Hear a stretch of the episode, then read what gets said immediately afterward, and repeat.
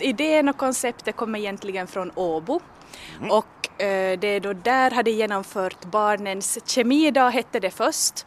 Men så tror jag det kanske blev lite begränsade av det konceptet så då blev det barnens teknikdag för några år sedan. Och eh, det har då gjorts i samarbete med studerande, i första hand studerande som vill väcka barns intresse för teknik. Och sen då när vi lite började diskutera och fundera att hur skulle vi kunna kanske applicera det här väldigt lyckat koncept att hur skulle vi kunna applicera det här i Vasamiljö så då är det ju ganska självklart att det blir energidag. Mm. Här i energiklustret? Exakt ja. Okay. Nu Margareta, du är professor i, i energiteknik och vem är väl mer, mer lämpad att ägna sig åt något sånt här? Ja, alltså det här är ju viktigt för framtida rekrytering sen kanske när jag har gått i pension om några 10-15 år. Du sår frön? Jag sår frön, ja, speciellt för att få in då flickorna i den här teknikutbildningen. Jaha, ja, det, det, det är fortfarande en mansdominerad bransch alltså? Det är alltså? fortfarande en mansdominerad bransch, ja. Hur ser det ut i matrikeln nu liksom, vad är förhållandet så vi får en bild? Ja, hos våra studerande förra hösten som sökte, alltså som kom in så var det 14 killar och, och det här 14 sök av de som platser vi hade. Så att vi hade inga tjejer, att det är tyvärr så att när miljö, energi och miljötekniken slutar på Novia så sen efter så har det varit väldigt få kvinnor ah, som okay. söker in. Mm. lite teoretisera, vad beror det på? Jag vet inte om det är det här eh, tekniken på något vis liksom är för abstrakt att det här miljöteknik är ju rädda världen förstås men att tänker man på maskin eller automationsteknik så, så det här är det kanske nog man upplever det som mera killarnas grej fast kvinnorna skulle ha väldigt mycket att ge där. Mm. Nå Margareta, då du valde studieinriktning, då gick du mot strömmen alltså. Vad var det som fick dig att, att våga? Jag ville väl nog rädda världen jag då också.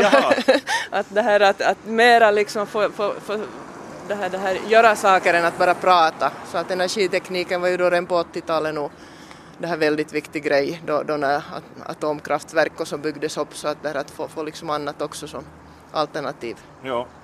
Nå, nu om någonsin så är det ju rädda världen som gäller med, med eh, klimatförändring och global uppvärmning och vi måste hitta nya bättre energikällor och så vidare så det borde ju vara kö det borde vara kö och kanske flickorna förstår inte hur mångsidiga arbetsuppgifter det finns i det här teknik, på tekniksidan. Att man behöver ju inte vara liksom och skruva och liksom montera utan det finns allt från, från liksom försäljning till, till produktutveckling till, till det här eh, undervisning, forskning, va, liksom vad som helst och man kan under karriären byta väldigt många gånger så att man behöver inte vara i den där nischen som man börjar med. Mm.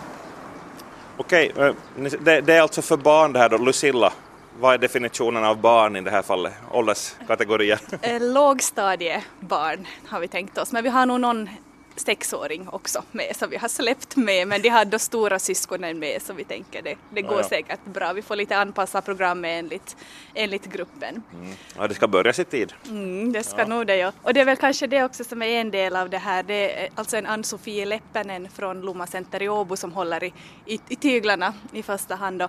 Och eh, den här idén är egentligen då att, att visa den här mångsidigheten i energin. Att det ingår lite kemi, det är fysik, det är biologi det är liksom alla, väldigt eh, det här tvärvetenskapligt och mångvetenskapligt och också visar det att kanske man inte genast förstår det här att det är teknik man är intresserad av men via den här, kanske biologi eller någonting annat så börjar man lite inse att hej det här är ganska häftigt och, och just det där då vill vi kanske på det här lekfulla sättet lite trolla, lite spexa, lite visa att det är ganska kul och sen då, um, så det visar vi lite exempel på först och sen så får barnen då väldigt hands-on få testa och prova, experimentera och lite upptäcka där. Okej, hej nu får ni nu, nu, måste ni vara konkreta. Vi tänker oss att de flesta barn är ju i skolan nu, men det här sättet ut på Yle Arenan sen så kan föräldrarna spela upp det efteråt för sina barn. Hör, det här låter jättespännande, visst vill du vara med?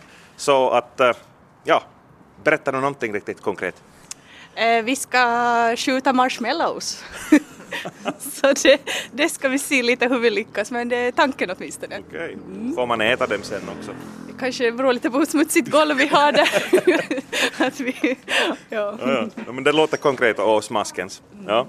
Nu får du ju inte glömma en sak att nu är mor och farföräldrarna välkomna tillsammans med sina barnbarn okay. också så att det kan bli som det generationsöverskridande liksom, jippo också. Okay.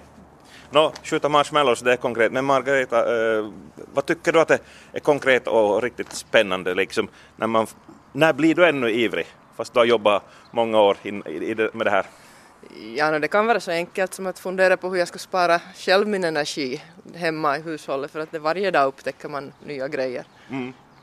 Det har jag hört och, och förstått att om man får en sån här kilowattmätare i huset så då blir det liksom världens tävling att se vad kan jag stänga av här nu och vad kan vi göra? Så, Åh, du sjönk igen här med någon procent.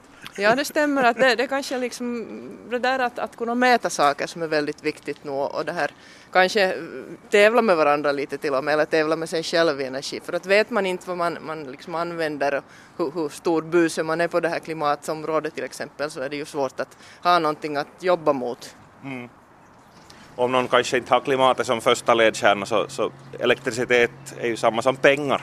Det stämmer, ja det. Okej. Nåja, men eh, var, var och när, lite mer sådär konkret, var ordnas den här dagen nu då? 8 eh, april, det är en lördag, klockan 12 och så håller vi på två timmar och det blir lite kaffe och lite energigivande snacks också så, så att vi orkar. Det är cirka två timmar tänker vi att vi håller på med, mm. lite beroende på. Yes. Och platsen är? Äh, Akademill, Åbo Akademi, Strandgatan 2. Ja, ja. Nå, om nu någon nappar på det här, hur, när ska man anmäla sig? Hur lång tid har man ännu på sig? Eh, vi stänger anmälningen på söndag och jag kan uppmuntra, vi har haft väldigt stort tryck, vi har en del platser kvar nu ännu men att en del har redan gått åt så att det här, man får vara snabbt på och så anmäler man sig via, nästan lättast att hitta kontaktuppgifterna via vår hemsida och det är då abo.fi snedstreck energiteknik.